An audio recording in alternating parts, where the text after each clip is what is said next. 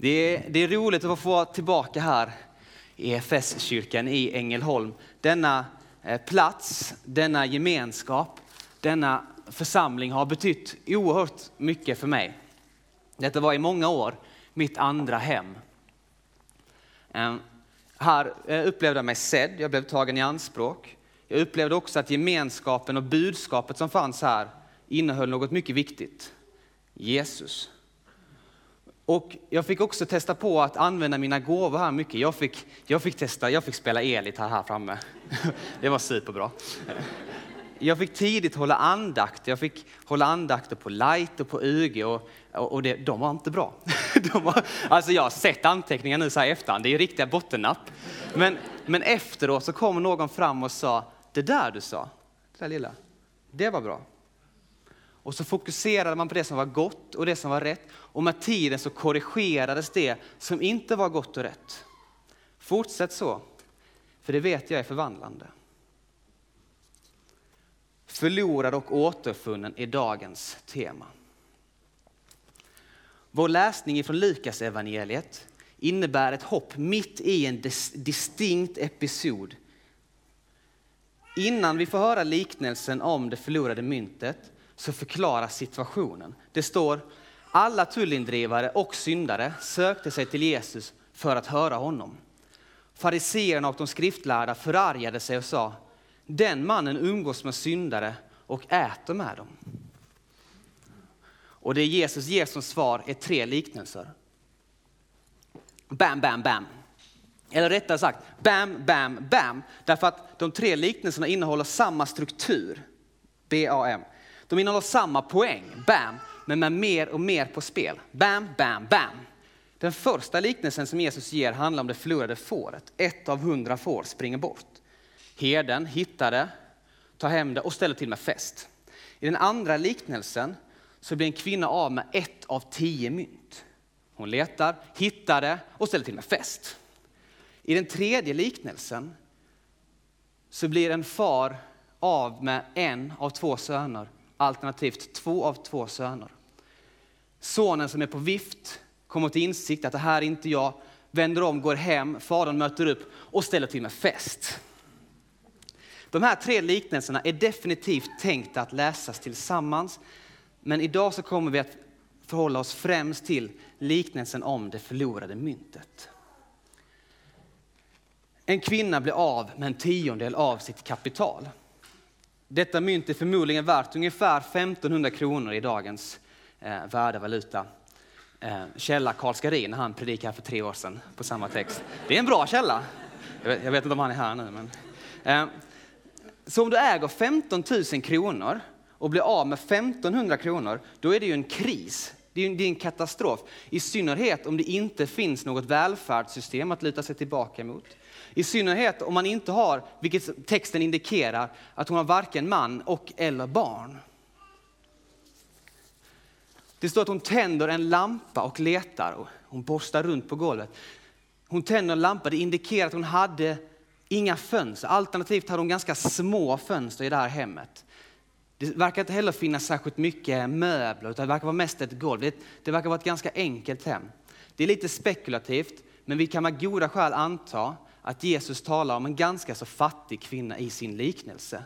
Men kvinnan hittar myntet och ställer till med fest. Oh yeah.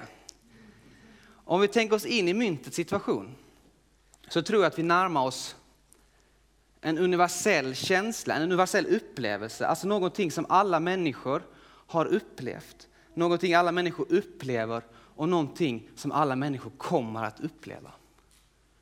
Det här myntet tillhörde en gemenskapen av andra mynt och visste sin plats. Den hade sin funktion till sin ägare.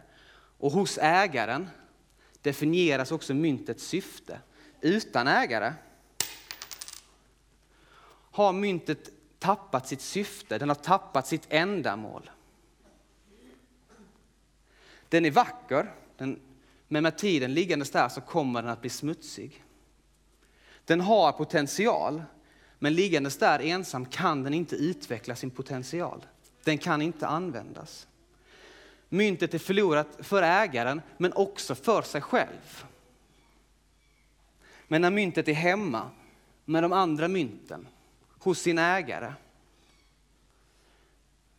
finns en naturlighet, en självklarhet, en harmoni och kanske inte så mycket frågor. Och när man tänker på det så anar man lite grann vad Bibeln talar om som paradiset. Man anar också lite grann, jag kommer att tänka på barndomen. Jag är lyckligt lottad, jag hade en väldigt fin barndom och det är inte alls säkert att alla här hade det. Men jag tror alla kan känna igen det här utav barndomen. Tid var något radikalt annorlunda när man var barn. För ett barn finns bara nuet. Ett sommarlov för ett barn, det var en konstant ström av nu. En evighet egentligen. En vecka hos mormor och morfar som barn, ett konstant flöde av nuet. Om man var på, på läger, på barnläger, så var det ett konstant nu där det hände massa grejer. Och lägret varade, ja, man var inte så intresserad av att säga att man har varit på läger i fyra eller åtta dagar. Det var inte det viktiga. Det viktiga var att man har varit på ett läger och det var jättekul och det var jättelångt. Som barn hade vi också en annan potential. Vi hade förmågan att förhålla oss kreativt till verkligheten. Vi kunde förhålla oss fantasifullt till den. En buske, det är en smedja. Och så samlade man kompisar och så höll man på att smedja sig där. Man kanske ser en stor sten, det är en borg! vi tar den och så tar man den och man har en real blast, glorious time unleashed. Mm. Man är riktigt, riktigt kul. Men någonstans inser vi, alternativt så luras vi, att tiden har ett slut. Att tiden är ändlig. Att livet är ändligt. Och frågorna börjar komma. Vi börjar se oss om. Vem är jag? Vad är jag bra på? Vad var jag innan detta?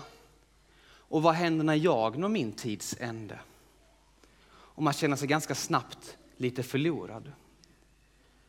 Och samtidigt har människan kvar en aning om att det som vi upplever förlorat en dag ska komma tillbaka. Denna spänning inom människan är förmodligen energin till mänsklig konst. Denna spänning inom människan tror jag är en av anledningarna till att helt sköna sekulära svennebananer gråter när deras barn blir döpta. Gråter när ens barn blir konfirmerade. Varför? För att det är vackert. Och varför är det vackert? Det kan inte jag, sätta, jag kan inte förklara det förstås. Men jag tror att skönhet och sanning är på varsin sida av myntet. Det ligger varandra nog väldigt nära. Det som är intressant är att när människor får uppleva Gud, man har en konkret gudsupplevelse, man är med om en mystisk händelse, något slags gudomligt fenomen. Det kan förklaras olika, men det man ofta säger då, det är att tiden upphörde. Tiden var bara ett enda nu. Lite liknande ett barns tidsupplevelse. Jag tänker att man som barn, som Guds barn, får möta Gud Fadern i en gudsupplevelse. Vi kommer tillbaka till Gud Fadern och får uppleva Guds tid. Ett evigt nu. Vi får känna på urtiden på något sätt. Grekiskan har tre ord för tid. Det finns aionos, det betyder tidsåldrarna. Det ska vi inte ha med att göra nu. Men det finns eh, kronos, tiden som tickar. Tick-tack, tick-tack. Måndagen som blir tisdag, januari, februari. Sen så finns det eh, kairos. Kairos är den eviga tiden som vi anar ibland, som dimper ner ibland.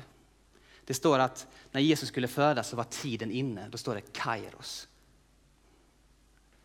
Ett barn tror jag kan ana kairos. I Guds upplevelser anar vi det. Jag tror att vi kan ana det någonting i relation till andra människor. Att när vi träffar en god vän, man har träffats, man har träffats på fem år, men när man träffas så är inte den, den tiden som har gått emellan de fem åren, den kronostiden som har tickat däremellan och alla måndagar som har blivit tisdag, det är inte det relevanta. När man träffar en god vän, det viktiga är det nu man en gång har haft och det är nu som man har nu. Känner ni igen känslan? Lite annorlunda är det när man träffar en ovän. då kan den här tiden som gått emellan ha väldigt stor relevans. Jag vet faktiskt inte varför det är så, men jag tror det är för att det inte är vackert. Jag tror vi kan ana detta i sakramenten, i dopet och i mässan. Jag tror att människan på något sätt har kvar ett minne av paradiset någonstans, lite liknande vårt minne till barndomen. Men jag tror också att vårt minne av barndomen hjälper oss att ana paradiset.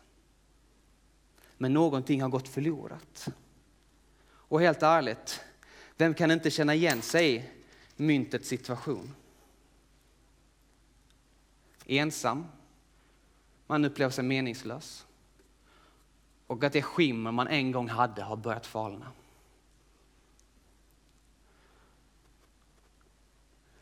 Men berättelsen slutar inte där. Det här är inte evangelium.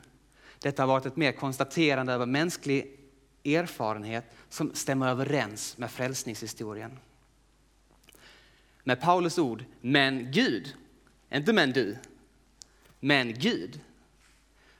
Och i evangeliet får vi veta att kvinnan, Gud, söker ivrigt, söker konkret efter det förlorade. Och det är vi. Gud har till och med blivit människa, låtit sitt gudomliga ord bli kropp i sitt sökande för att få oss tillbaka i sin famn. En väg, en, en arm för myntet att komma hem till Gud.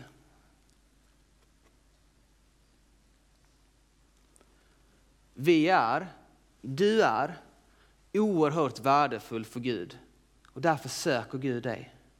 Och i denna texten så söker Gud oss först och främst och faktiskt enbart. Myntet den ligger där men den gör ju inte ett skit åt situationen, eller hur? Den är inte jättebra på det. Men Gud tar detta lilla hjälplösa mynt upp till sin famn och låter den komma hem i gemenskapen. Här tror jag det är viktigt att läsa de tre liknelserna tillsammans. För jag tror att en människas väg till Gud ser olika ut. I liknelsen av fåret så är fåret bara dumt, det är liksom bara bä och så sticker den på fel håll. Alltså det fåret är så dumt att det hade lika väl kunnat springa på rätt håll. Eller hur? Myntet ligger på marken helt oförmögen att göra någonting åt situationen. Och I liknelsen om sonen så är det faktiskt så att sonen kommer till insikt förstår att det här är inte jag, vänder om, omvänder sig och går till Gud. Jag tror det finns olika vägar till Gud, men oavsett så ställer Gud till med en fest. Alla liknelser slutar med att det som var förlorat är återfunnet och det är fest. På så sätt tror jag att det beskriver olika individers väg till Gud, men jag tror också att det beskriver olika faser i våra egna liv olika processer man själv erfar. Kanske har man varit med om alla tre. Jag undrar om inte jag har varit det. Jag tror jag har varit ett får som har sprungit iväg och sen har blivit upphittad. Jag har också stundtals varit myntet som är helt oförmögen att göra någonting åt min situation. Och ändå har Gud gjort någonting. Men jag har också varit sonen som kommit till insikt att det här är inte jag. Och jag söker mig mot Gud igen. Kanske har ni själva också erfarit de här olika processerna. Men oavsett vilken av processerna man är i nu kanske, oavsett vilken av processerna ni har varit med om, eller kanske ska vara med om, så står det att Gud gläds. Och Gud är aktiv. Paulus skriver, men Gud som är rik på barmhärtig har älskat oss med så stor kärlek att fast vi var döda genom våra överträdelser, lite som ett mynt som ligger, har han gjort oss levande tillsammans med Kristus. Av nåd är ni frälsta och uppväckt oss med honom och gett oss en plats i himlen genom Kristus Jesus. Om man kan leka lite grann med tanken att i Jesu liknelse om kvinnan som letar efter myntet så är, så är själva kvinnan det, det är Gud, Fadern. Lampan hon använder för att hitta myntet igen, världens ljus, det är Jesus. Och borsten som kvinnan använder för att rena fram återfinnandet till myntet i helig ande. Här nu förstår jag varför man har förbjudit att avbilda Gud ibland. Det var, så är dumt ut. Men det är en bra bild. Eh, Gud i sin gemenskap, tillsammans i Gud i, i sig, söker dig. Gud i sin gemenskap söker gemenskap med dig. Ta emot den nåden. Var med i gemenskapen. Och lev i den. Och med liknelsernas ord, var med på festen. Detta mottagande mellan dig och Gud sker i ditt hjärta men får utflöde i ditt liv. Mötesplatsen för dig och Gud, det är i ditt hjärta. Och du behöver inte göra någonting för att förtjäna det mötet, det kan du ändå inte göra. Halleluja! Ja. Eh, men när du väl har tagit emot den nåden så säger Paulus, och detta säger Paulus till hela kyrkan i alla tider. Vi är hans verk, skapade genom Kristus Jesus till att göra de goda gärningar som Gud från början har bestämt oss till. Så vi är mynt som ska komma i funktion. Och jag tänker inte rada upp en massa goda exempel på gärningar du kan göra. Jag tror du vet precis här nu vad för goda gärningar du just nu kan göra i din vardag. Men vi är värdefulla mynt som ska användas. Vi är värdefulla mynt som ska synas. Och jag tror att det finns många lögner som florerar i vårt samhälle idag. En av lögnerna är att vår kristna tro ska vara en privatsak. Är det fake news på den? Det är fake news på den.